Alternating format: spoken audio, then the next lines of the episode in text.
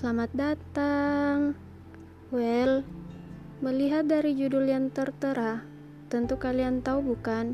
Kita akan memulai memikirkan apa kali ini? Ya, perihal tanya, mengapa Tuhan menciptakan kita? Kenapa ya? Pasti pertanyaan itu pernah terbersit di pikiran, kerap menghampiri menjelang tidur di malam hari. Kenapa?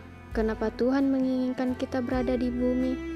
Dalam buku Hujan Matahari, aku lupa persis rentetan kalimatnya seperti apa, tapi poin penting yang kudapat adalah bahwa Tuhan menciptakanmu karena ada sesuatu hal yang ingin diubah melalui tanganmu.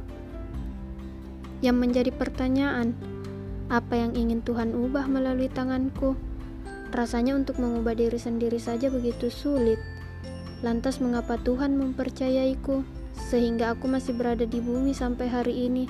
Sepenting itukah keberadaanku? Yang lain lagi menjelaskan, Tuhan menciptakan manusia untuk menyembahnya. Well, rasanya tanpa disembah pun Tuhan akan tetap menjadi Tuhan. Itu tidak menurunkan derajat Tuhan. Masa iya kita ada hanya untuk menyembah Tuhan lalu kemudian mati masuk surga? Well, Aku percaya kita hidup harus menyembah Tuhan berdasar dari kepercayaan masing-masing apa yang dianut.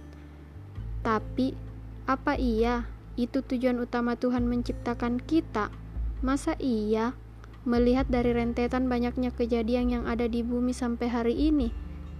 Tidakkah kiranya Tuhan ingin kita turut andil untuk menjadi manusia misalnya, memanusiakan manusia? Ya, nyatanya begitu.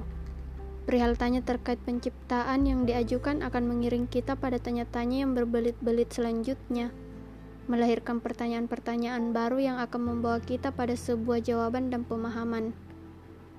Jawaban dan pemahaman itu bisa saja kerap berbeda, tapi semoga kita berakhir pada tujuan yang sama, tidak hidup hanya sekedar hidup.